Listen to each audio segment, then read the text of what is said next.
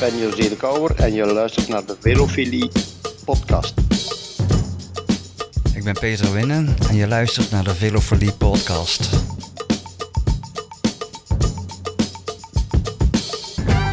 De Velofilie podcast.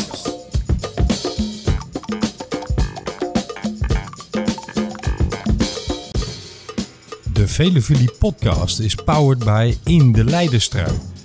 De wielerwebsite voor het laatste nieuws, originele content en belangrijke informatie over alle wedstrijden. In de Leidenstrui.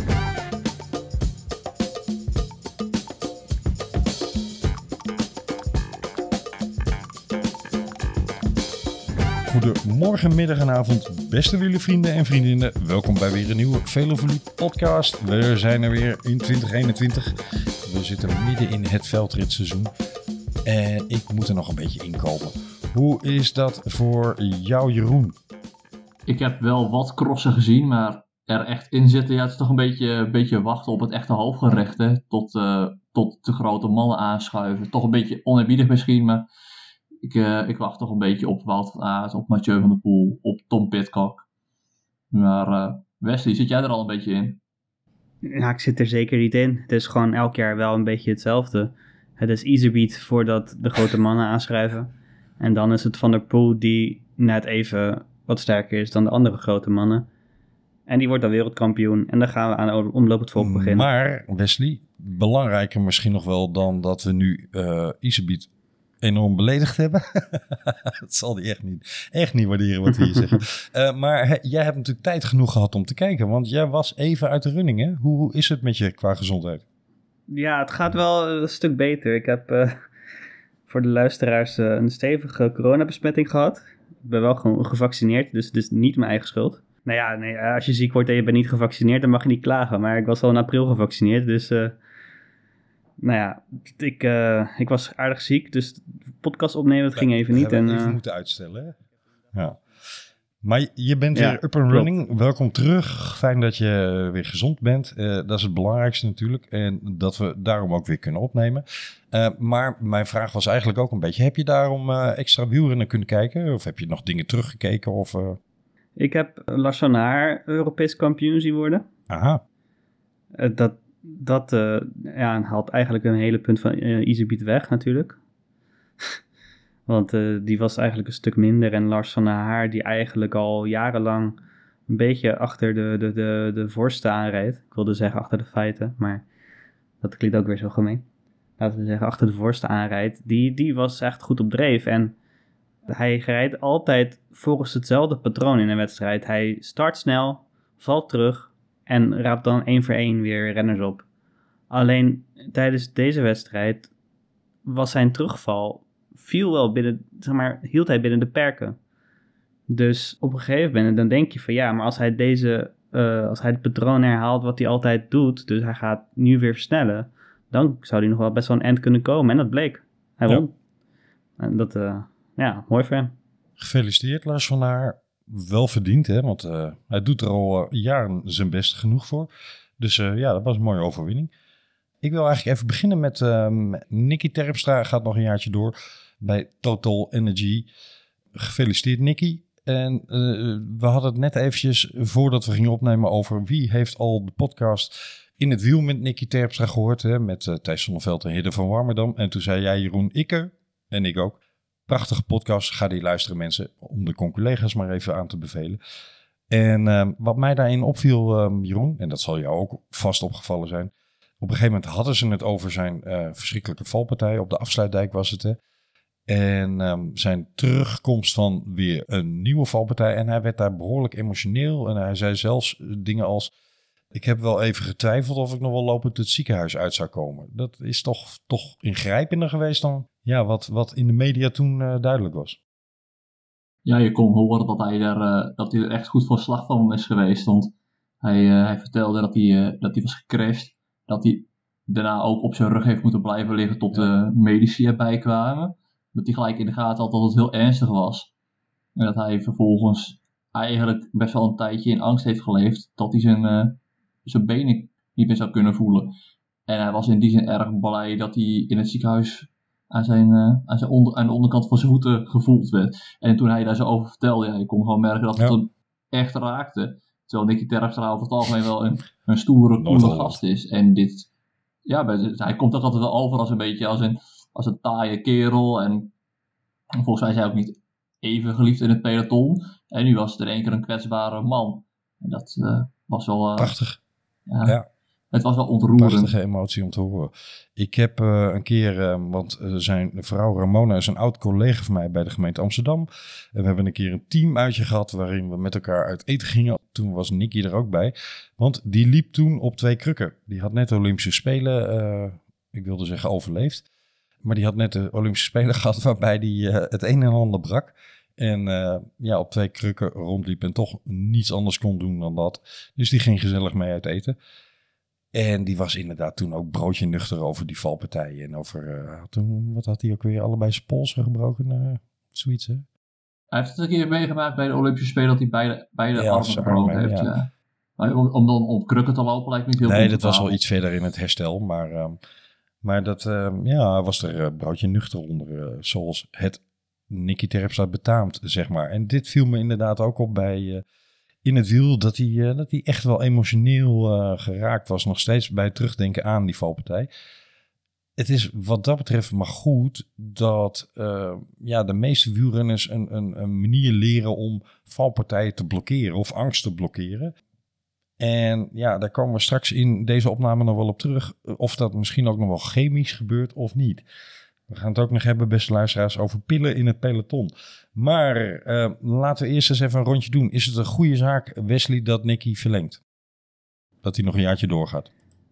Ja, een goede zaak, ja. Natuurlijk. Als hij nog wil door, uh, doorrijden en als wij, uh, als wij nog van hem kunnen genieten, dan is dat een goede zaak, ja. Volgens mij had hij er zelf ook wel vrede mee dat hij nooit meer een ronde van Vlaanderen gaat winnen. En ja, dat, dat gevoel moet hij ook wel duidelijk hebben en beseffen. Want met al die opkomende renners die nu zo sterk zijn, dan gaat hij denk ik geen kans meer maken. Maar ja, hij is een uh, koersbeest. En volgens mij hebben wij er ook super veel plezier in als wij hem zien. Dus uh, ja, zeker, goede zaak. Nou, even voor jou, uh, voor de context, voor zowel jou als voor de luisteraars die de podcast niet hebben geluisterd of het nieuws niet geluisterd hebben of gelezen hebben.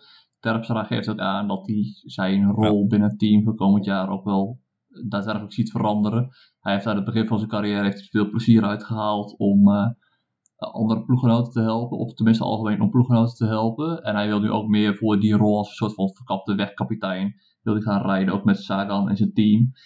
En uh, hij is eigenlijk van plan om grotendeels een soort van wegkapitein te worden. Die af en toe zegt: Als ik uh, goed in vorm ben, dan zal ik het niet laten om alsnog voor mijn eigen kansen te gaan. Alleen als hij volgend jaar geen overwinning boekt, kan hij alsnog een geslaagd jaar hebben voor zichzelf. Ja. Nou, nee, maar dan is het prima toch? Ja, want hij vond dat fietsen gewoon heel erg leuk. Passend, bij, dus, passend bij zijn leeftijd en passend bij wat hij de afgelopen jaren...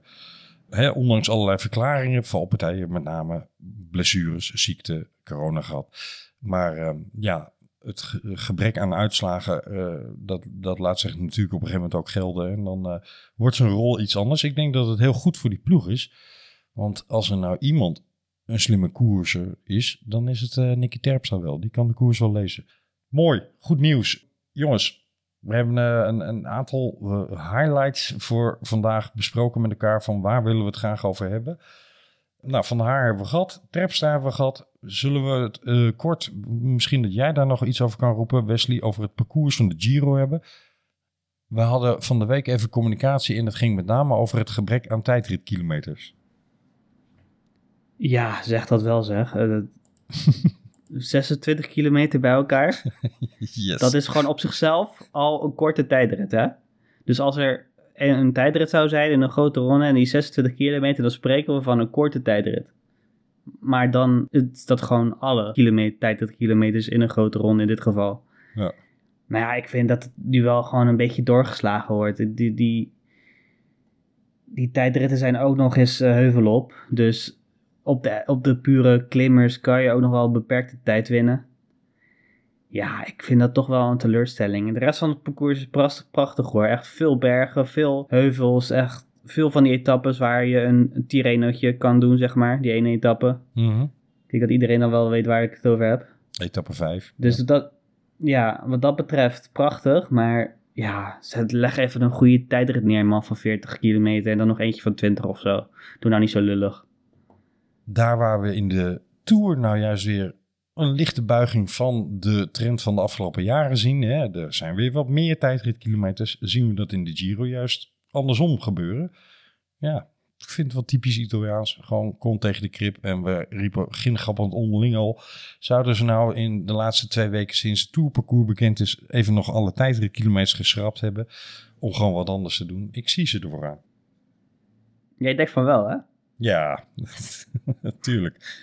SES, die willen net even wat anders. Maar mm, ja, mooi parcours van de Giro. Ik ben het met je eens. De Etna, vinden we dat een succes om die elk jaar weer, eh, weer terug te laten komen? Of bijna elk jaar de laatste tijd? Nou, ik ben er geweest op de Etna. Ik ook. En ik moet, ja, ik moet zeggen, het, het geeft wel echt een heroïsch gevoel of zo als je daar bent met al die stenen. En, maar ja, spektakel in de koers levert het niet op. Uh, 9 van 10 keer is de wind op de kop. Ja. Durfde niemand te temereren. En is En, het te ja, vroeg veel- in, de, in, in, in de Giro om eh, iemand daar het risico op ontploffen te laten nemen, zeg maar.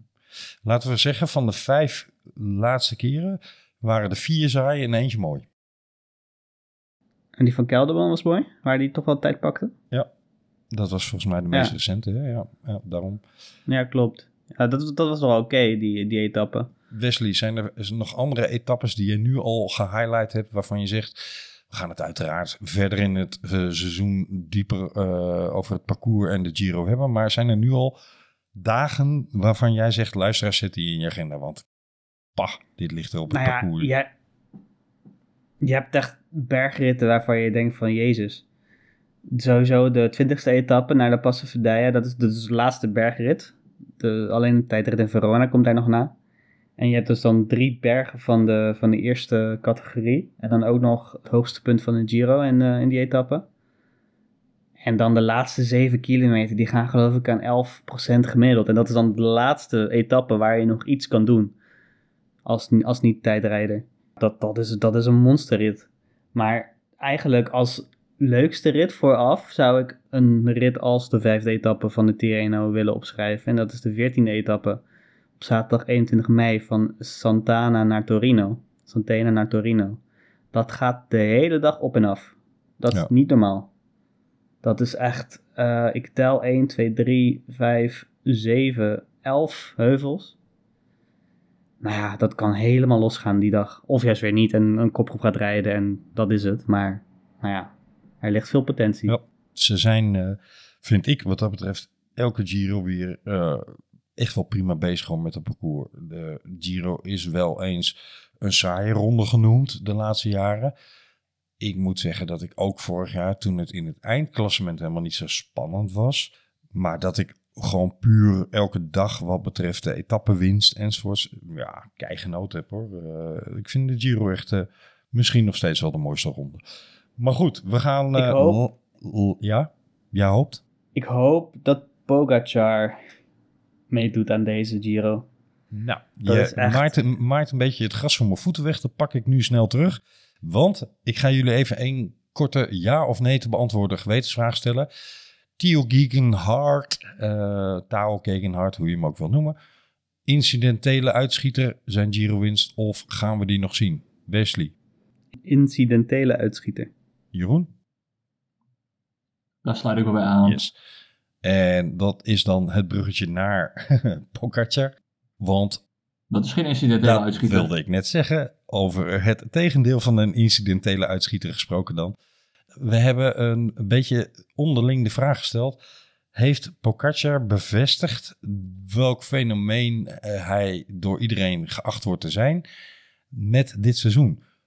Formuleer ik het zo goed, jongens? Eh, heeft hij dit seizoen bevestigd dat hij, zeg maar... Goh, laten we er eens een eh, vergelijking in gooien. De nieuwe Merckx is. Heb je die zelf bedacht, die vergelijking? Hier, hier nu, te plekken. is nog Ja, nooit knap, eerder man. gebeurd. nee. maar ze geeft er eens een reactie op dan. ja, ik was nog veel te jong toen, man. Of veel te jong. Voor Merks bedoel Ja, je? Ja. Voor Pogacar misschien ook wel, maar dat terzijde. ja. Toen was mijn vader nog te jong om mee te krijgen. nou ja, ik denk dat eh Pogacar wel heel veel in zich heeft om tot die hoogte te, te stijgen. Hij kan in principe, ik denk, alle eendagswedstrijden winnen. Alle monumenten bedoel ik daarmee. Behalve Parijs-Roubaix misschien. Ik zie hem ook nog wel een keer in de Ronde van Vlaanderen uh, zijn duivels ontbinden. Ja, maar zie je hem Hij- bijvoorbeeld Milaan San Remo ook winnen? Ja, Hm. niet onmogelijk. Ik denk, als hij er op de, als hij op de Poggio gaat, dat, dat, wordt, dat het lastiger wordt om, eh, om hem te volgen. En hij heeft ook een, echt een hele goede sprint in zijn benen. Zeker. Van een niveau, is het niveautje Pogacar à la selectief Philippe. genoeg voor hem? Maar oké, ik, snap je, ik snap je vergelijking. Ga door. Maar het kan. Ja. Kijk, ik zeg niet dat hij daar als topfavoriet aan de, aan, de, aan de start staat. Maar ja, als Alaphilippe kan winnen, kan Pogacar hem ook winnen. Want hij Ja. is net zo explosief, denk ik. Dus ja, nee, Pogacar is voor mij echt wel het fenomeen van, van de komende 10, 15 jaar. En dat is wel... eh, ja, het zal aan de concurrentie liggen. Aan een Evenepoel, aan een Bernal, aan een Roglic nog de komende jaren. Of hij Merckx gaat benaderen qua palmares. En dat is voor ons, voor de kijkers, is dat wel echt iets heel, heel moois om naar uit te kijken. Want het, het, het is een strijd die we, die we gaan zien. Oké, ik, Ik ik, hoop alleen dat... ik vind dat, dat we dat niet alleen in die Tour maakte, Wesley, eh, qua palmares. Want laten we wel zijn, Eddy Merckx heeft 525 koersen gewonnen als prof. En ik denk niet dat er iemand nou, ja, met het, het geheel andere wielrennen wat we tegenwoordig hebben, dat er iemand nog de titel de kannibaal o- ooit zal krijgen. Dus daar moeten we het misschien niet over hebben. Ik denk dat we de vergelijking moeten maken op basis van dominantie in, in diverse soorten koersen. En dan heb ik het over van tijdrijden tot sprinten, tot een Parijs-Roubaix, tot een eh, Tour de France, Giro Vuelta, vul hem maar in, tot een werelduurrecord enzovoorts. Dus een, een verschrikkelijk allround type coureur zijn. Zullen we die vergelijking hanteren en niet zeg maar de palmares vergelijking? Want ik denk niet dat die opgang doet. Nou, eens wel, ja. Paul Baresta komt toch niet meer bij. Nee, daarom. Want ja, Hele andere, een hele andere tijd is het ook. Hè. De, de top is tegenwoordig veel breder dan die vroeger was. En eh, nee, ik denk dat eh Pogacar is inderdaad misschien wel de meest allround renner die er momenteel is. nou ja, Maar die bevestigt, bevestigt ook al van ontzettend jong. Van Aert is ook wel best wel allround, toch? Zeker. Een klein beetje. Maar beetje als je, maar. als je dan toch die keuze moet maken, hè, Wesley. Wie van de twee, ja, wie van de twee is de betere coureur? Het is een wat valse vraag en ik snap al dat eigenlijk de keuze niet gemaakt kan worden. Maar toch, als we het hebben over allround zijn in allerlei soorten koersen. Wie van die twee staat er dan op één en wie op twee? Ja, ik denk dat ik dan toch voor Van Aert op één ga. Want het maakt niet uit op welke, welke maand je je koers gaat kijken in het jaar. Januari, juli, oktober, februari. Het, het maakt niet uit. En het- er is een kans dat Van Aert gaat winnen. Als ik nu de TV aanzet, dan kan het zomaar dat Van Aert met zijn handen in de lucht over de streep komt. Je weet het niet. Ja, maar dat kun je voor het- ook zeggen. Of het nou de UAE Ja, Tour is of eh, Lombardije. Je ziet Nee, maar- ook. eh, Ja, maar ik bedoel meer van, hij kan het ook in het veld rijden. Hij kan het in een massasprint. Hij kan het op de Van Toe. Hij kan het in Parijs-Roubaix. Hij...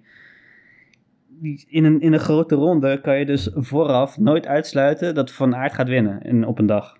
Een etappe. Dat kan je niet uitsluiten. En bij Pogacar, ja, Pogacar gaat geen massasprints winnen, denk ik. En hij gaat ook niet eh, een veldrit winnen. Dus nee, ja, jij daarom, kiest voor Van daarom Aert. kies ik voor... Ja, maar het, het, verschil, het, het verschil is miniem. Het grappige is denk ik dat... Nou, ga ik zo vragen. Ik ga eerst naar Jeroen. Jeroen, eh, als jij de keuze zou moeten maken... Stel je bent ploegleider en je hebt budget voor... Nou, laten we zeggen 6 miljoen per jaar, eh 5 miljoen per jaar... en je mag ofwel Pogacar halen ofwel Van Aert. Wie haal je? Ja, het is sowieso een droomscenario om mee te beginnen dat ik een ploegleider zou zijn die zo'n enorm budget te besteden heeft. maar Gewoon dat jij ploegleider zou ja, zijn. ik, eh, Dat is al een droomscenario. nou ja, voor de renners misschien iets minder, maar dat wordt dan daar gelaten. Ehm, nee, ik, eh, om antwoord te ge- geven op je vraag. Ik denk toch ook dat wat Wout van Aert kan, dat het toch wel eh, nog een pre is. Maar het is ook ergens een beetje appels en peren vergelijken. Dus ik roep nu eh, Wout van Aert. Alleen Pogacar, kijk, een ploegleider zou kijken naar de exposure. En iemand die de Tour de France kan winnen en ook misschien kan domineren voor de komende jaren. Ja, die is voor je exposure is die veel beter. Dus dan zou je toch zeggen voor Pogacar. Maar nee, ik denk dat Wout van Aert, wat Wesley al zegt, is de renner die elke dag een etappe kan winnen. Of het nou sprinten wordt of bergop. En ik denk dat Pogacar dat dat meer het wondertalent is wat eigenlijk alle rondjes kan winnen, maar niet per se alle koersen kan winnen. Ja. En Pogacar die kan de Tirreno winnen, die kan ook uh, een Lombardije winnen, wat hij zal even laten zien, beide gevallen. Maar die zie ik dus geen massasprints winnen, die zie ik niet uh, in de Scheldeprijsreken boven komen drijven. En dat kan van Aert wel gebeuren. Ja. ja Oké. Nou, moet ik zeggen, ik vraag me af of we de Scheldeprijzen als graadmeter mee moeten nemen. we kunnen, we kunnen, we kunnen natuurlijk ook zeggen dat, dat Tour de France de graadmeter is, hè? in plaats van de Scheldeprijs. Dus ja... Uh... Zou je maar... Het... De, Schel de Scheldeprijs is twee keer voor sprinters. Ja, zeker. Nee, ik, snap je, ik snap waarom je hem benoemt. Alleen mijn insteek zou zijn, een Pocatje die al twee keer de Tour gewonnen heeft... En zeker, zeker kandidaat is om, als hij meedoet, de Vuelta of de Giro te winnen in zijn huidige vorm en, en patroon van voor een pijl elk jaar omhoog. Daar zie ik toch een grotere kans hebben in om een, grote ronde te winnen dan Van Aert. En als je die basis neemt, dan zou ik juist voor Pogacar kiezen. Ondanks dat ik jullie vergelijking snap om te zeggen, als je het over de breedte hebt van het hele jaar kunnen domineren, en zeker als het veldrijden meetelt natuurlijk, ja, dan zou Van Aert nummer 1 zijn. Maar mijn basis van het wielrennen ligt toch altijd verankerd in die grote rondes. En dat is een andere kijk ernaar. En dan, dan heb ik de neiging Pogacar net even een tandje hoger te zetten. Omdat ik hem van het voorjaar tot het najaar in koersen zie winnen. En uh, zie aanvallen en zie domineren. Maar dat is inderdaad wel net even andere koersen dan Van Aert. Dus misschien is de vergelijking Sluiten we uit dat Van Aert... Uh, sluiten we uit dat Van Aert ooit een grote ronde kan winnen? Ja. Wel op de manier van trainen en voorbereiden op koersen zoals ze nu aan het doen zijn. Ja, zeker. Is misschien wel de vraag, goh, zou Van Aert zich niet meer moeten gaan concentreren op dat werk? De grote rondes, de eenweekse rondes enzovoorts. En minder op het winnen van een ronde van Vlaanderen. Ik denk dat dat misschien een verstandige keuze zou gaan zijn. Niet omdat hij niet de ronde van Vlaanderen zou kunnen winnen, maar wel omdat ik denk dat hij nog meer potentie in rondewerk heeft dan dat er nu uitkomt door zijn manier van trainen en zijn focus op, op uh, het Vlaamse voorjaar. Um, dus ja, misschien zou dat wel een keuze kunnen zijn die hij in de toekomst kan maken. Maar of hij een Tour de France kan winnen tegen figuren als Roglic, Pogacar, Benal, nee. Ik heb nog even in het kader van Pogacar heb misschien nog wel een interessante stelling ik ben eigenlijk wel benieuwd of jullie denken dat het haalbaar is dat Pogacar dat hij de dubbel zou kunnen verwezenlijken. Oftewel eerst de Giro winnen, vervolgens de Tour de France winnen. Zou Pogacar dat kunnen? Ja. Als, als het ooit kan, dan wordt het wel aankomend jaar, denk ik. Het hangt heel sterk af van de pauze. jij wil hem echt graag in Giro ja, zien, Het hangt heel sterk van het aantal weken tussen finish in uh, Verona en, en start Tour de France af als dat het jaar dat Tom tweede en tweede werd, zaten daar volgens mij, zat er een week extra tussen, als ik me goed herinner. En dat had ook weer te maken met iets, maar dat ben ik kwijt. Maar in ieder geval, normaal gesproken is het krap vier weken, hè, zoiets. En één week extra kan daar natuurlijk enorm in schelen. In uh, dat je nog een hoogtestage inplant van twee weken en dat effect weer meeneemt naar de Tour de France. Oftewel, het hangt, vind ik, wel enigszins van de kalender af. Maar laten we wel zijn, als Tom Dumoulin tweede in de Giro kan worden en tweede in de Tour. Ja, waarom zou Pogacar dat niet kunnen? Maar dan allebei eerste, hè? Had Tom namelijk dat jaar ook kunnen zijn. Ik denk dat het kan. Ik denk dat Pogacar het allebei kan winnen. In hetzelfde jaar. Alleen, de Roglic is de enige die daar route in het eten kan gooien. Ik denk dat Pogacar van iedereen met de handen voor zijn ogen, twee vingers in de neus, met één voet op zijn rug gebonden. Kan hij iedereen verslaan in een grote ronde? Zeg gewoon met één wiel. ja, we maken daar twee lekke banden. Nou ja, maar behalve Roglic. Roglic en Pogacar en een direct duel, dat is nog best vaak om het even. En jij met de rest, en misschien dat ik Bernal nu wel tekort doe hoor, want die is natuurlijk wel een tijdje in de weer geweest met zijn rug. Maar met de rest, dat is die, kan, die kan Pogacar kloppen twee keer, die, twee keer achter elkaar in de Giro en de Tour. Dat, daar hoeft hij allemaal niks voor te, voor te vrezen. Maar ik denk dat alleen als Roglic zich volledig op de Tour concentreert en Pogacar probeert beide te doen, dat dan Roglic wel de Tour kan winnen. En Pogacar tweede.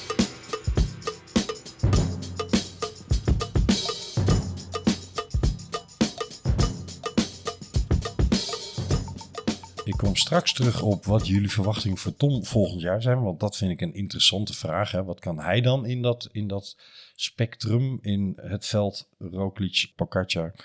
Uh, maar ik wil eigenlijk eerst even naar een ander bruggetje toewerken door te beginnen over Remco Evenepoel.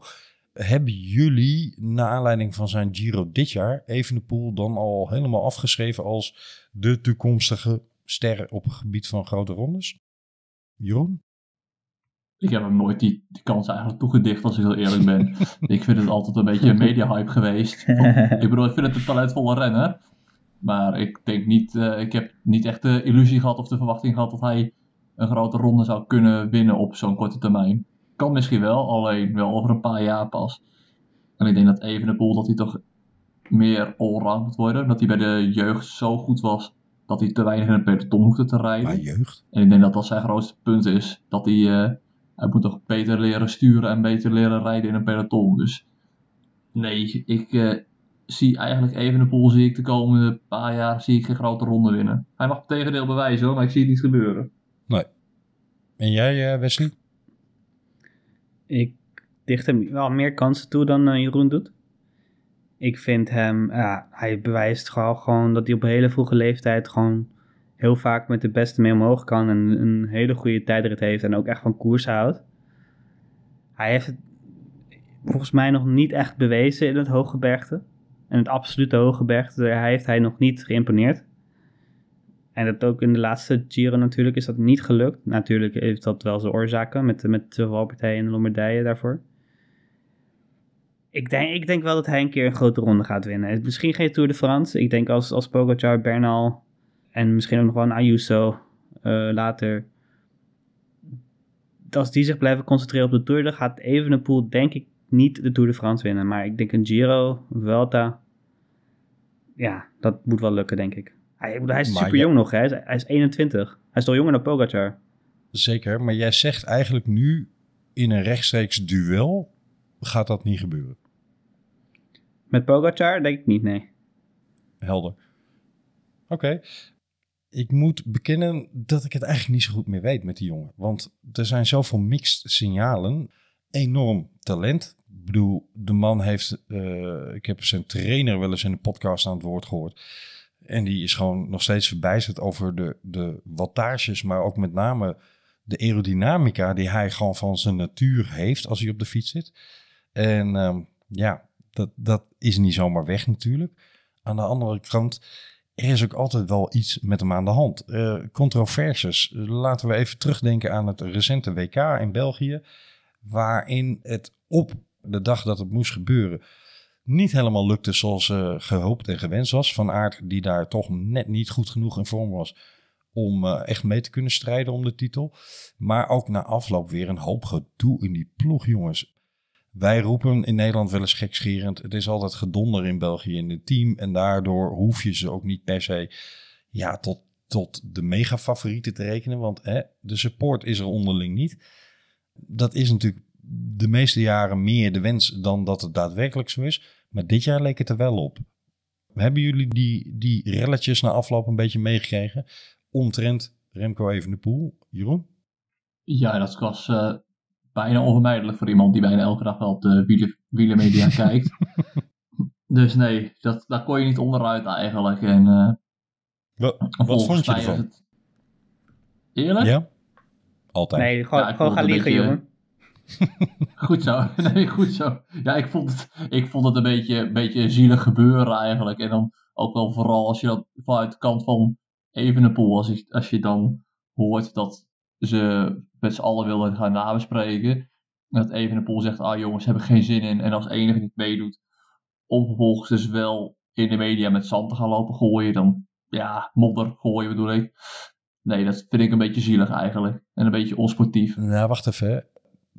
Klopt die volgorde wel? Want waren zijn reacties niet al in de media verschenen toen ze die teambespreking nog zouden gaan doen met z'n allen? Volgens mij wel. Ja. Oh, daar ga je hem op eigen woorden pakken. Nee, gewoon even voor de goede volgorde. Niet om jou eh, ongelijk of zo. Ja, nee, nee. Maar er was zeg maar al het een en ander gezegd in de media eh, over de manier waarop Evenepoel gereden had. En of Van Aert wel op tijd had gesignaleerd, jongens, het is niet aan mij dit je, de, de, vandaag. En toen zouden ze als team nog bij elkaar komen om, te, om, om, om na te bespreken. En daar heeft uh, Evenepoel voor gegeven. Ik meen dat hij op trainingskamp was. Of iets met de ploeg aan doen was. Hoe dan ook. Hij was er niet bij. Het was een Zoom-call. En daar was eh, vooral Jasper Stuyven nog wel uitgesproken over. Ehm, ja, dat eh, als de, de winnaar van Milan Sanremo je een veeg uit de pan geeft, ben je niet bezig vrienden te maken. Laten we het in ieder geval zo zeggen. Wesley. Kijk, als renner ben ik, eh, ben ik best wel gecharmeerd van Evenepoel, maar als hij dan weer een keertje een of andere rit in de Ronde van Polen wint en met zijn vinger voor zijn mond over de streep komt, eh, of in de Ronde van Burgos of zo, ja, win dan eerst even de Tour de France en komt dan met de vinger, over je, met vinger voor je mond over de streep. Ja, het- ik vind het wel gedoe. Ik vind het wel gedoe. Het, het is, van Aert is gewoon topfavoriet op zo'n parcours. En ja, om dan achteraf te gaan zeuren en zeiken en dan niet naar bespreking te komen van een team waar juist dat besproken gaat worden. Ja, dat vind je ook gewoon een beetje zwak. Toch? Je bent aan het klagen en aan het doen en dan wordt het besproken en dan ben je er niet. Ja, Ja. wa- waarom ben je dan aan het klagen? Weet je wie eh, in het verleden dit soort grapjes ook vaak aan zijn broek had hangen? Jan Raas. Daar deed je me een beetje aan denken. Maar wat Raas wel goed kon, en laat ik eens een eh, kleine hint geven, daar kwam meestal wel een goede premie bij te pas, was eh, zijn manschappen voor zich winnen. Of het nou ging over een voorjaarskoers die hij per se wilde gaan winnen, of een WK bijvoorbeeld. Hij wist wel hoe hij, eh, ondanks controversies binnen het Nederlandse wielrennen, ehm, ja, hoe hij eh, diverse mensen voor zich kon laten rijden. Dat is iets wat Evenepoel moet leren. Dat wielrennen meer is dan alleen maar hard rijden op een fiets. Maar dat het ook een, een, een ja, ik wil niet zeggen een politiek spel is. Maar wel een, een, een spel is waarbij je niet eh, alles maar voor de vuist weg kunt roepen. Zonder dat mensen op een gegeven moment een keer gaan zeggen... Ja, vriend, maar jij hebt toen dit en dit gezegd en je wilde nu vandoor gaan. Niet bij mij. Dus ik ga nu gewoon op je wiel zitten. Ik zie Movistar er wel voor aan. om dat gewoon de hele carrière dicht te gaan, gaten dicht te gaan rijden op Evenepoel. Ja, Ook zonder dat ze er een persoonlijke veto voor nodig hebben Ja. met hem. Gewoon voor het leuke. nee, maar dat, dat, dat, dat, lokt die uit, zeg maar. Hè? Dat mensen op die manier, eh, terecht of onterecht, hè, dat laat ik in het midden, maar dat mensen op die manier over hem gaan denken. Ik vind het tegelijkertijd als wielenfan heel erg leuk, want het mag best een beetje reuring zijn. Er mag best een beetje een, een controversieel figuur tussen zitten. Hè? Een, een, een Sakan die dingen roept die anderen niet roepen. Waarom niet? Maar is het slim voor zijn eigen aanwezigheid in het peloton? Tot nu toe is hij daar, vind ik, niet op een manier bezig waarvan je zegt: Goh, dat wordt een patron die het hele peloton straks een richting uitdirigeert. Nee. Ik denk dat het heel erg ook in zijn nadeel gaat spelen. Dat nu de Belgische ploeg zal er duidelijke afspraken gemaakt. En het is ook nadien is het uitgesproken van Aert en Stuiven hebben goed met elkaar gesproken. Ook al eh, waren ze allebei niet blij met het resultaat. En die kunnen weer goed met elkaar door één deur. En die zullen in een volgende keer dat ze samen opgeroepen worden voor het WK, zullen die weer goed overeenkomen. Ik denk dat met Evenepoel gebeurt het niet. En Evenepoel heeft het ook niet willen uitspreken. Evenepoel die gaat de volgende keer gaat hij echt zijn eigen quickstep mannetjes nodig hebben. Die gaan voor hem rijden. Alleen een neutrale jongen of een jongen van een team, die gaat zeggen, weet je, eh, ik weet nog wel dat WK 2021, oh, eh, ik vind het wel eventjes goed geweest, ik ga niet voor jou rijden. En dat kan dus uiteindelijk wel in zijn nadeel gaan werken. Ja, Ja, als, eens, je, maar- als je het goed, goed eh, bekijkt, dan is eigenlijk Olympische Spelen mm, valt ook in die categorieën. Was het Ja, nou dat wilde ik dus net zeggen. Ja. Ja, was daar ook sprake van teamverband of solo optreden? Ja, je kunt je vraagtekens erbij hebben.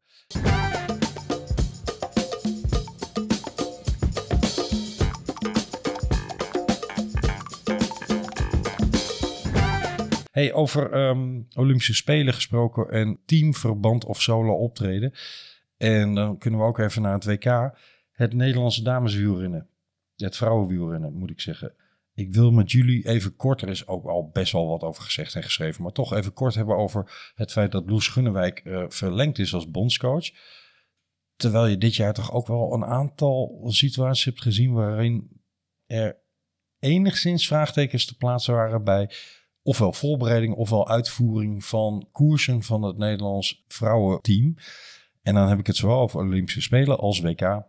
Goede zaak dat Gunnewijk verlengd is en dat ze zeggen ze moet leren en, en uh, daar moet je haar de kans voor geven. Vind ik namelijk wel. Wesley? Ja, ik ben het daar wel mee eens. Er zijn natuurlijk wel een aantal dingen verkeerd gegaan. Mm Nu weet ik niet helemaal of dat echt uh, aan te schrijven is uh, aan, de bon aan de bondscoach. Ik bedoel, je bent als, als Nederland in het dameswielrennen ben je zo'n dominante kracht dat, er altijd, dat iedereen altijd naar jou kijkt. Ja, dan kan er wel eens wat verkeerd gaan en met al die egeltjes en al die individuele klasbakken is dat gewoon heel moeilijk om, om te temmen, zeg maar. En ik denk wel dat, dat hij, dat, dat Gunnewijk kans de tijd verdient om ja, daar echt wel een, een geheel van te maken. Jeroen? Ja, ik ga, ik ga er maar even verder op in. Ik denk dat, kijk je puur op basis van palmares, op wat er is gewonnen sinds Gunnewijk bondscoach is, dan is daar echt niks, maar dan ook niks op aan te merken. Precies. Uh, Olympische, uh, Olympische titels, WK-titels, Europese titels. Ik zal er misschien nog een paar vergeten. Maar um, kijken we puur naar het stukje teammanagement, dan heb ik er echt wel serieuze vraagtekens bij. En als je dan kijkt dat Michael van Toerenhout bij de Belgen, bij de Belgische mannen, vooral vooraf aan het WK wel alle koppen dezelfde kant op kregen. En zelfs Evenepoel die dan wellicht, tenminste die dan misschien wel na het WK begon te sputteren, maar tijdens het WK wel keurig in de pas liep en wel deed wat er verwacht werd. Omdat er harde keuzes gemaakt zijn. Ja, dat zie ik bij Gunnewijk gewoon niet echt gebeuren. Het leek wel dat zij iedereen te vriend heeft willen houden. En in die zin vind ik het wel vreemd dat zij, dat zij is verlengd als bondscoach. En ook met volgens mij met een paar jaar.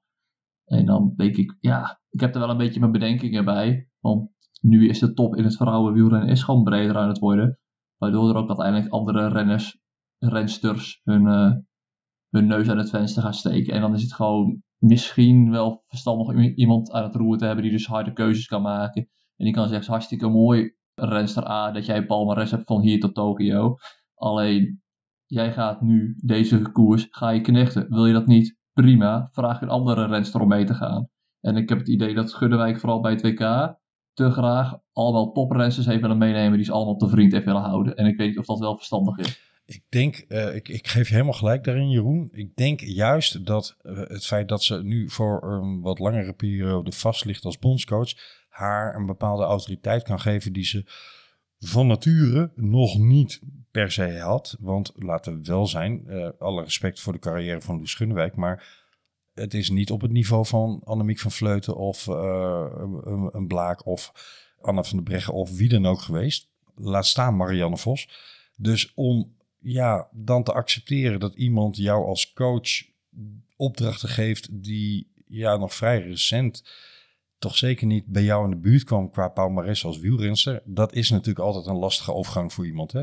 Juist door haar nu een paar jaar extra vast te leggen, geven ze haar als het ware de legitimiteit, de autoriteit mee om te groeien in die rol en om inderdaad te kunnen zeggen, joh, ik heb het zus en zo bedacht en zo gaan we het vandaag ook doen daar speelt. Mag ik daar een klein beetje iets tegen inbrengen? Doe, vooral. Ik, ik weet niet wat jij, uh, in hoeverre jij bekend bent met het palmares van Michael van Toerenhout. De Belgische wielerbondscoach. Die heeft ook geen aansprekend palmares. Die is korter bondscoach, die is korter bondscoach dan Gunnewijk. En die krijgt het toch wel voor elkaar om, vooral zeg maar, vooraf aan de koers, krijgt hij wel de hoofden dezelfde kant op. Bij renners die een palmares hebben, waar zelfs een fractie van hem nog niet gegund is als renner. Uh, dus ik denk in die zin, ja, maar daar, ik snap wel wat je zegt. Ik kan daar wel weer tegenover uh, stellen, Jeroen, dat controverse in het Nederlandse team voor het vrouwenwielrennen ook voor Loes Groenewijk als bondscoach al plaatsvond. In die zin dat er wel vaker koersen zijn geweest waar de rest van de wielenpers na afloop van zei wat de Nederlandse vrouwen aan het doen waren. weten wij eigenlijk niet zo goed. Dus dat, dat hangt ook niet per se alleen van Loes Gunnewijk samen. Maar ik snap jouw punt en ze zal daar zeker stappen in moeten maken. Ik denk overigens dat Wesley ook gelijk heeft dat dat aan het hele team heeft gelegen. Hè? Inclusief de rensters, inclusief de staf om Loes Gunnewijk heen.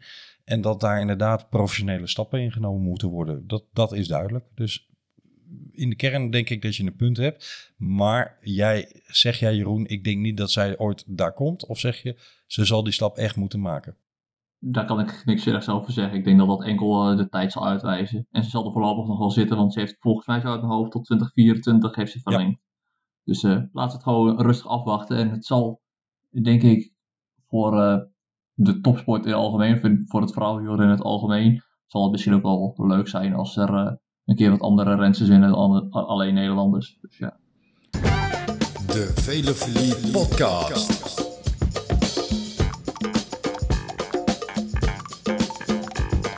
Ja, over, dat, eh, over, eh, over landenteams gesproken. Volgens mij heb jij nog wel genoten van, eh, van het Nederland op de baan, Camille, of niet?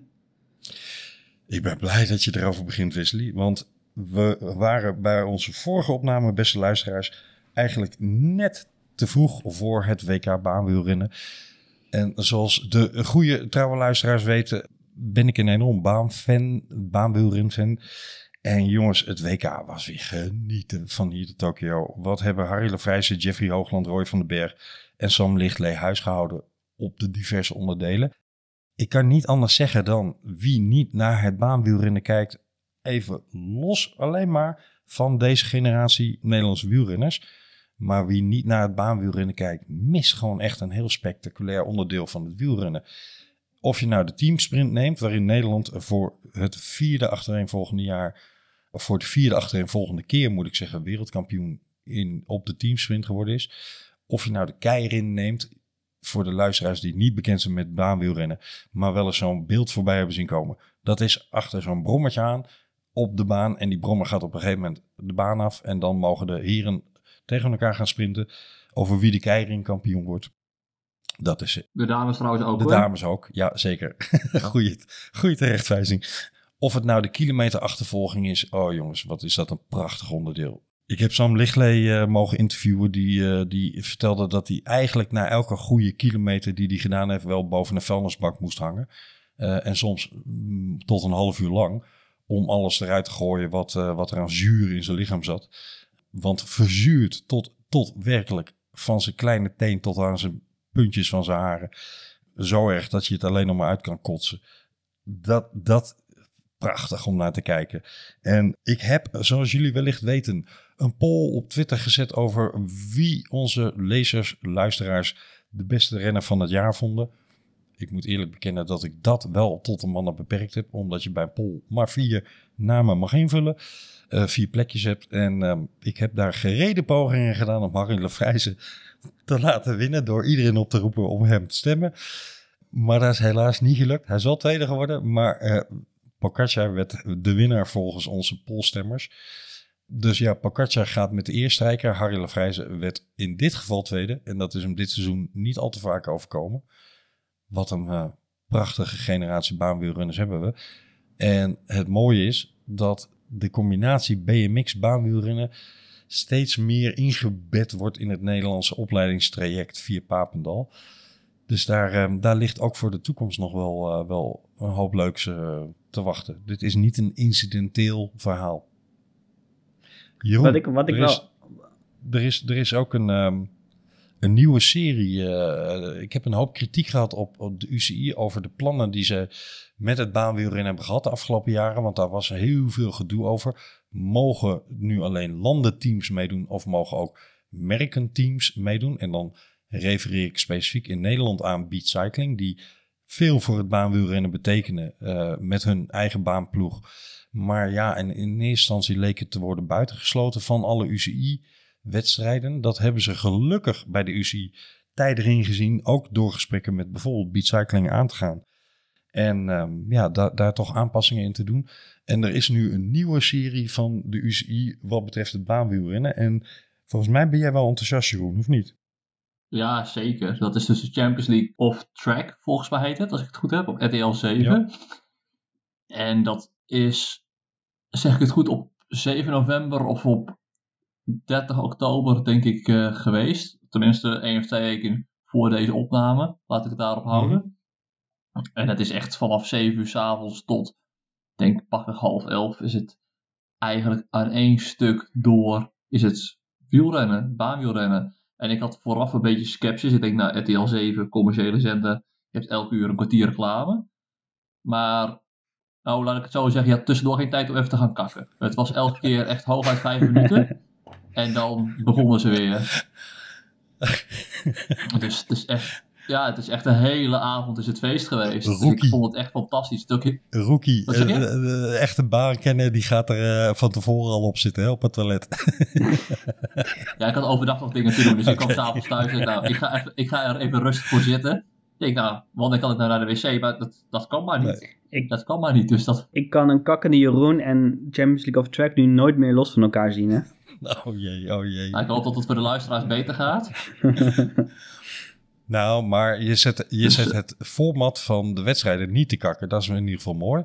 Um, nee. Want, want volgens mij ben jij wel fan geworden, of niet? Achter elkaar door. Oh, absoluut. Ik kon het al wel waarderen. Alleen, dit was echt een hele avond achter elkaar door. En ik zat ook vrienden die wielrennen wel leuk vinden, maar niet super enthousiast weer van zijn. Had ik al zitten appen, zet RTL 7 op, zet RTL 7 op. Volgens mij vonden ze dat ik begon te zeuren, maar uh, nee, ik vond het echt de moeite waard. Ik vond het wel reclame voor het baanwielrennen, ja. ja. Ik voel me af en toe ook wel eens een roepen in de woestijn. Als ik tegen mijn wielerminnende vrienden zeg, uh, kijk je ook naar baanwielrennen, dan word je toch al af en toe nog wel een beetje als een malaatse aangekeken. Mag ik er even één dingetje uitlichten wat ik zo mooi vond? Zeker. Dat waren de sprintnummers. Normaal gesproken de sprint die je dus ook zag op het, uh, op het WK of het Olympische Spelen of over het algemeen zijn dus de voorrondes is dus eh, 1 tegen 1. En nu had je alleen de finale was 1 tegen 1. En de andere series, hoe je het ook wil noemen, dat weet Camille misschien beter dan mhm. ik. Maar de andere, andere wedstrijden, die waren dus op basis van loting. En ze waren met z'n drieën. Dus op de loting bepaalde word jij 1, 2 of 3. En dan was het daarna gewoon een sprint zoals die normaal ook is. Alleen dan met drie man in de baan in plaats van met twee man. Dus als jij als derde man startte, dan moest je dus twee man inhalen in plaats van één man. En dat gaf wel een hele andere dynamiek. Ja, ik vond het uh, juist ook heel erg leuk om te zien. Ook omdat het voor mij een nieuw element was. Um, tenminste bij dit soort wedstrijden. Um, ik zat ook te bedenken hoor, van ja, hoe kun je dit nou toepassen in een WK? Of moet je dat niet willen? Uh, we gaan zien wat dat de komende tijd gaat doen. Ik ben in ieder geval blij dat er, uh, en daar RTL 7 dan ook wel dankbaar voor, dat er weer meer aandacht voor het baanwielrennen is.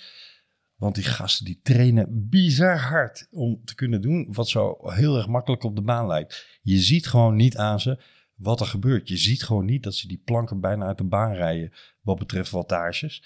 Maar het gaat zo bizar hard. Het zijn echt topatleten van hier tot Tokio. En gelukkig hebben ze allemaal laten doorschemeren dat Parijs nog wel het doel gaat zijn. En kan deze generatie qua leeftijd dat eigenlijk ook nog wel meemaken. Dus ja, we hebben nog een paar jaar te genieten van deze mannen. De Olympische Spelen van Parijs doel je op, Zeker. Hè? Even voor extra duiding, ja. ja. nou, prachtige baanwielren sport gezien. Gelukkig uh, ben je ook fan geworden, Jeroen. Er zijn ook wel uh, tegenover al dat prachtig de laatste tijd wat, ja, vind ik opvallende en misschien wel multi-interpretabele signalen uit het koerswereldje naar voren gekomen. En uh, wat een ingewikkelde inleiding om een artikel op Wielenflits over Ludwig Waker aan te halen. Jong talent, wat um, ja, op 21-jarige leeftijd gezegd heeft... Um, ik zet een punt achter mijn uh, wielercarrière, mijn wieleropleiding. En die heeft eigenlijk gezegd... Jongens, in deze sport er worden zoveel pillen geslikt. En hij heeft niet eens per se uh, gesuggereerd pillen die niet mogen... Maar wel dat het heel normaal is om cafeïne, pillen, pijnstillers uh, en weet ik veel wat allemaal uh, in je mik te gooien. En dat uh, hij suggereert dat bijna elke renner wel met een pillendoos in zijn achterzak rondrijdt. Dat doet me denken aan een verhaal over Sean Kelly. Die ooit eens een koers ging rijden waarbij Ierse fans langs de kant stonden. En uh, Sean riepen um, en Sean Kelly even naar ze toe kwam voor de start en even een praatje met ze maakte. En toen op zijn fiets sprong en ze gewoon letterlijk de pillen in zijn achterzak hoorde rinkelen. En toen zoiets hadden van, wat de heck is dat? Dus ook dat is misschien wel van alle tijden. De vraag is alleen, is het verbazend dat het ook van deze tijden is? Jeroen? Ja en nee, denk ik. Ik denk dat in topsport dat, ze het eigenlijk, dat er altijd wel de grenzen opgezocht blijven worden of zullen worden. Dat is eigenlijk zo oud als het wielrennen aan zich is, maar ook andere takken van sport. Hm. En eh, ja, de nee, waarom zou ik die, waarom zou ik me dat, dat niet, ja, ik begin mezelf een beetje vast te lullen, merk ik. Maar het zou me dus niet verbazen als het nog steeds de norm is. Want ja, je kan dat eigenlijk niet anders verwachten in topsport. En ja, het zou natuurlijk wel zonde zijn met eh, het imago-probleem wat het wielrennen de afgelopen twee, drie decennia heeft opgelopen. Zou het ontzettend zonde zijn. Maar ik denk dat het wel een logisch iets is, ja. Ik vind wel dat je daar iets interessants zegt, Jeroen. Je zegt, dat kan je verwachten in de topsport. Dus de topsport is eigenlijk inherent aan pillen slikken. Nee, dat, dat niet zozeer. Ik denk meer dat de topsport aan zich, in de breedste zin van het woord, Grenzen op daar zijn belang. Ik denk dat daar grenzen opgezocht worden, precies wat Camille zegt. Dus er altijd figuren zijn die denken, ja, de belangen zijn zo groot. Als ik nou dit doe, dan kan ik eh, bijvoorbeeld een pilletje slikken, dan kan ik misschien toch net dat procentje extra geven. Dus ik denk dat er altijd wel dat soort figuren zijn en zullen blijven ook. Ik denk dat, ik, ik denk dat we een, een, ehm, een hele uitzending kunnen gaan wijden aan de morele vraag die achter pillen, de schuine streep dopinggebruik in sport zitten. Ehm, dat moeten we denk ik misschien ook maar eens gaan doen met z'n drieën. Maar wel in een andere uitzending dan deze. Want ja, de vraag is natuurlijk, als je naar het echte leven, tussen aanhalingstekens kijkt, om maar eens een cliché aan te halen, wordt daar vals ingespeeld? Ja, ik weet niet hoe jullie het economisch nieuws volgen, maar de Duitse overheid is uh, tot en met Nederlandse banken aan het aanklagen over zogenaamd dividendstrippen. Wordt er vals gespeeld in het dagelijks leven? Jazeker, op allerlei niveaus. En over het algemeen schijnt dat een winnende formule te zijn, totdat je tegen de lamp loopt. Zien we daar een parallel met de sport? Volgens mij wel. Dus ik, ik vraag me altijd af op het moment dat mensen keihard roepen over topsporters die tegen de lamp lopen. Van ja, wat, wat maakt dat zij nou via een andere maatstaf beoordeeld worden of langs een andere meetlint gelegd worden dan wat er in het dagelijks leven gebeurt. Als de buurman vertelt dat hij een BV'tje op Malta heeft, dan denken de meeste mensen ook, uh, goh, doe je handig. In plaats van, goh, vuile oplichter die je er bent. Terwijl in Frankrijk een beetje wielrennen al gauw voor trecheur wordt uitgemaakt. Dus ik vind die dubbele moraal altijd heel fascinerend. Ben het wel met jou eens, Jeroen. En toch ook weer niet dat dat imago de laatste jaren flink opgevijzeld is van het wielrennen. En tegelijkertijd ben ik de laatste jaren juist heel erg op mijn hoede om te denken...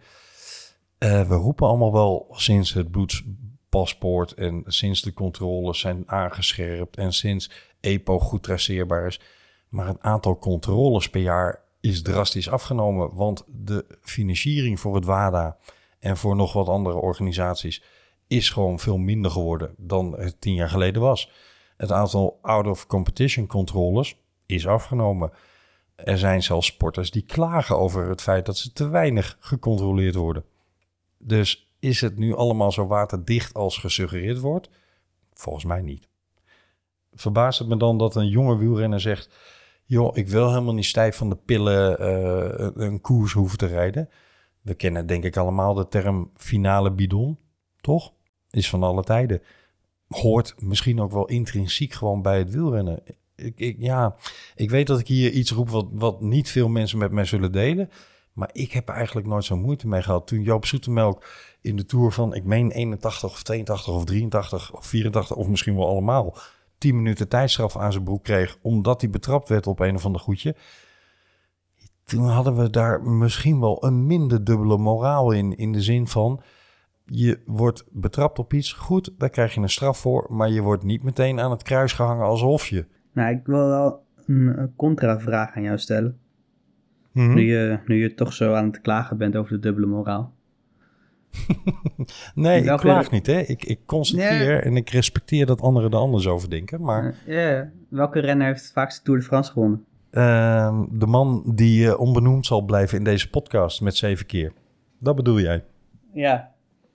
Zeker. Ja, maar dat ik is ook dat- precies diezelfde dubbele moraal. Ja, want ik weet dat ik, ik, ik roep altijd dat hij voor mij, dat hij gewoon nog steeds de renner is die het meeste Tour de France gewonnen heeft. Omdat ik het met je eens ben dat er een dubbele moraal is. En dat dat ene keer is iets wel erg en de andere keer weer niet. En wat moeten we ermee? Kunnen we er iets mee? Nou, ik denk van niet. En daar ben, daarin ben ik het wel met jou eens dat het gewoon inherent is aan het wielrennen. Maar ik weet ook dat jij altijd mijn eh, supporterschap voor Lance Armstrong eh, bekritiseert. Dus daar, daarom was ik wel even nieuwsgierig naar jouw mening daarover. Want dat vind ik ook wel een beetje een dubbele moraal. Zeker. En ik, ik, ik ben zeker niet roomser dan de paus daarin. Hè. Misschien pas ik daarom juist wel uitstekend in het wielrennen. Omdat ik eh, ook van beide walletjes mee eet en snoep. Maar ook beiden te verdedigen vind. Er zijn mensen die zeggen, Lance heeft gewoon zeven keer gewonnen. Had je moeten laten staan, ongeacht hoe, wie, wat en waar. Hm, kan ik me best in vinden. Eh, vind ik Lance Armstrong een enorm irritant, vervelende etterbak. En eh, een man die geprobeerd heeft levens te ver- verwoesten. Jazeker. Is dat de reden waarom ik hem net zo goed niet als winnaar van die Tour wil zien in de lijstjes? Ja, misschien wel. Ben ik het eens met de stelling dat mensen zeggen... ja, hij had ze ook zonder doping wel gewonnen. Nee, totaal niet. En daar vind ik, zit bij mij de scheidslijn. Natuurlijk weet je dat niet. Hè? Is dit eh koffiedik kijken of uit je duim zuigen of hoe je het ook wil noemen. Maar een Bjarne Ries die met een hematocriet van eh dik 66 een Tour de France wint, vind ik geen natuurlijke Tour de France winnaar. Een Bernard Hinault die hem vijf keer wint en ongetwijfeld het een en ander in zijn mik heeft gehad, vind ik wel een natuurlijke Tour de France winnaar. Marco Pantani, eh, die stijf stond van de EPO toen hij de Tour won, vind ik toch een natuurlijke Tour de France winnaar. Snap je het verschil? Dus eigenlijk zeg je dat het gewoon pure, wille- pure willekeur is. Natuurlijk is het ook voor mij willekeur. Eh, ik, ik, ik zou werkelijk het wiel hebben uitgevonden als ik hier de scheidslijn eh, helder en duidelijk voor iedereen kan definiëren. Nee, het zijn meningen en het zijn ook gevoelens. Ik denk alleen dat Lance een eendagscoureur was en geen ronde. Maar misschien heb ik met mijn eigen stelling over wat Lance was... eerder in de uitzending met Wout van Aert wel ondergraven... door te roepen als Wout anders gaat trainen... kan het misschien wel een, goede ronde worden. Ik weet het ook niet, hè. Ik, ik, ik, ik heb het wiel daar niet in uitgevonden, nog de waarheid in pacht. Ik vind alleen de dubbele moraal die veel mensen hebben ten aanzien van eh, topsport. Namelijk als in topsport blijkt er dingen te gebeuren die niet mogen. eh, ja, dat er ineens moord en brand geroepen wordt. Terwijl ik denk, ja, maar is dat nou echt zo verbazend? Nee, in mijn Oeh, ogen is de nee. enige oplossing...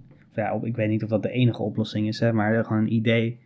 Gewoon volledige transparantie.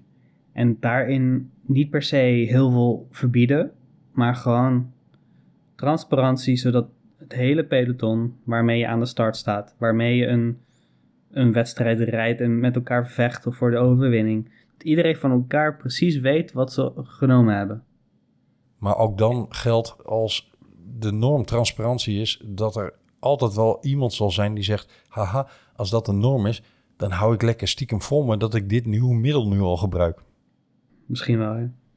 Maar ja, dan, dan, kijk- ja, maar dan kijken we dus naar iets wat, wat, wat nooit opgelost gaat worden. En Dat is het ook. toch houden we er allemaal van. En dat is prima. Het gaat pas opgelost worden op het moment dat ze met één scan device iemand bij wijze van spreken volledig biomedisch kunnen doorlichten. En dus voor de koers, zo eventjes zoals je nu wel op kleinere vliegvelden hebt, hè, dat ze zo'n eh, zo'n scanner langs je heen halen. En dan zeggen, hey, je hebt dit en dit in je, in je bloed of in je, in je... Kijk, als je met z'n allen achter een dambord zit, is de neiging om EPO te nemen denk ik een stuk kleiner. Dus ja, is het, is het inherent aan die sport? En vinden wij het prachtig als mensen een berg op rammen? Wesley, Jeroen, ik denk dat we hier nog wel een hele uitzending aan kunnen vullen. Zullen we dat eens gewoon gaan doen? Graag. Dat klinkt mooi, graag. Ja, hebben we een conclusie met de peloton? Wat moeten we ermee? Zolang het medisch niet onverantwoord is in de vorm van dat renners nog verantwoordelijk kunnen rondrijden. Ja, dan heb ik toch de neiging om te denken, je moet het zelf weten. Het is jouw lichaam. Laten we het daar in de volgende uitzending eens over gaan hebben. En misschien moeten we een oproep doen aan eh, de luisteraars. Ja, om, om daar ook een mening over te geven. Je kunt altijd reageren op ons door op www.vriendvandeshow.nl slash velofilie te reageren. Je kunt ook een e-mail sturen naar velevliepodcast.gmail.com. En je kunt zelfs een audio eh, inspreken. Dat kan ook op Vriend van de Show. Heren, voor nu bedankt. Wes, fijn dat je weer gezond en gelukkig bent. En eh, beste luisteraars, jullie horen ons snel weer. En dan gaan we eens verder praten over dit controversiële onderwerp. Maar ook weer over ander wielennieuws. Bedankt voor het luisteren en tot de volgende. Adios. Ciao. Hoi hoi.